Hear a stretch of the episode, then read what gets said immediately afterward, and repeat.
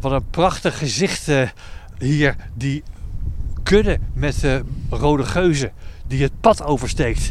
En die gewoon een wat hoger gedeelte van de uiterwaarden aan het opzoeken is. Roland Vermeulen van uh, Free Nature. Wat een magistraal gezicht, hè? Zeker, zeker. Je ziet, we kunnen mooi voorbij trekken. Ze hebben de route voor ons even afgesloten. Maar je ziet eigenlijk de laatste die alweer het pad kruisen. En zometeen kunnen wij weer rustig verder lopen. Al die grazers. Ja, blauwtong kwam eraan. We hebben het er al even over uh, gehad. Uh, en ja, jullie hebben extra gecontroleerd, extra rondes gelopen. Uh, had je verwacht dat jullie dieren ook ziek zouden kunnen worden? Jazeker. Uh, runderen kunnen er ziek van worden. Eigenlijk alle herkauwers. Uh, schapen zijn er zeer gevoelig voor. Maar bijvoorbeeld ook de wiesent op de Veluwe. Maar ook de edelherten en de almherten die op de Veluwe lopen. Kunnen er ziek van worden. Ja. En dus dachten jullie, we moeten oppassen? Uh, we moeten opletten. Uh, we hebben een uh, zorgplicht voor onze dieren.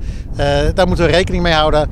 en in sommige gevallen moet je dan een dierenarts erbij halen. Maar in de meeste gevallen zie je niet eens dat de ziekte langskomt.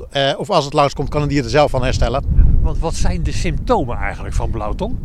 het begint vooral met een beetje snotterigheid. Dieren worden wat minder energiek. En op een gegeven moment krijgen ze ook wat problemen met, ja, met de vertering en dergelijke van voedsel. en dan kan het echt zijn dat ze een paar dagen aan de grond liggen. Uh, dat ze eigenlijk gewoon te, te ziek zijn om, om te lopen of te eten. En dat is eigenlijk de meest cruciale periode in, in het ziektebeeld. als ze dan opknappen, dan gaat het de goede kant op. verslechteren ze dan, ja, dan zal je echt in moeten grijpen. Ja. Is dat nodig geweest, dat ingrijpen? Want jullie hebben honderden dieren. Ja. In een enkel geval wel, ja. Uh, er zijn ook gevallen geweest dat dieren niet zozeer aan de ziekte zelf zijn overleden, maar aan de gevolgen van. Uh, bijvoorbeeld doordat ze een, een, verstopping in, de, in het darmsysteem hebben gekregen als gevolg van, van de ziekte. dan leken die in eerste instantie op te knappen, maar gingen later toch weer achteruit. Zijn er veel dieren die het niet gehaald hebben door de blauwtong of door de gevolgen daarvan? Nee, enkele. We hebben zo'n 1800 dieren in heel Nederland.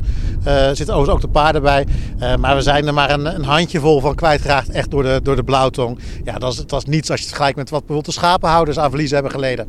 Nee, want dat was wel, wel veel meer. Maar hadden jullie dit, dit ingeschat, dat het maar om een aantal exemplaren zou gaan? We hadden er wel rekening mee gehouden. Onze dieren hebben een hoge weerstand. Uh, juist omdat ze jaar rond buiten lopen, een natuurlijk dieet hebben, uh, ook andere uh, virussen en dergelijke tegenkomen. Ja, bouwen ze gewoon een veel hogere weerstand op dan veel dieren die in, de, in de landbouw gehuisd worden. Want dat is eigenlijk wel het rare. Het valt eigenlijk best mee met jullie wilde dieren. Die natuurlijk in de vrije natuur staan. En de eerste beste knut die blauwtong uh, over kan brengen. Daar zijn ze natuurlijk het haasje. Zijn ze gevoelig voor. Je zou eigenlijk verwachten dat jullie dieren in de vrije natuur veel eerder en veel meer last zouden hebben van blauwtong. Nee, niet zozeer. Ik wil zeggen, ze hebben een hoge weerstand.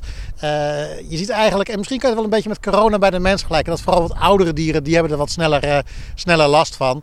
Uh, maar de meeste dieren die, die jong, vitaal, sterk zijn, die kunnen een hoop hebben. En die kunnen ook die blauwtong overkomen. Ja. Nou, de kudde is de weg overgestoken. Wij kunnen weer rustig een stukje verder.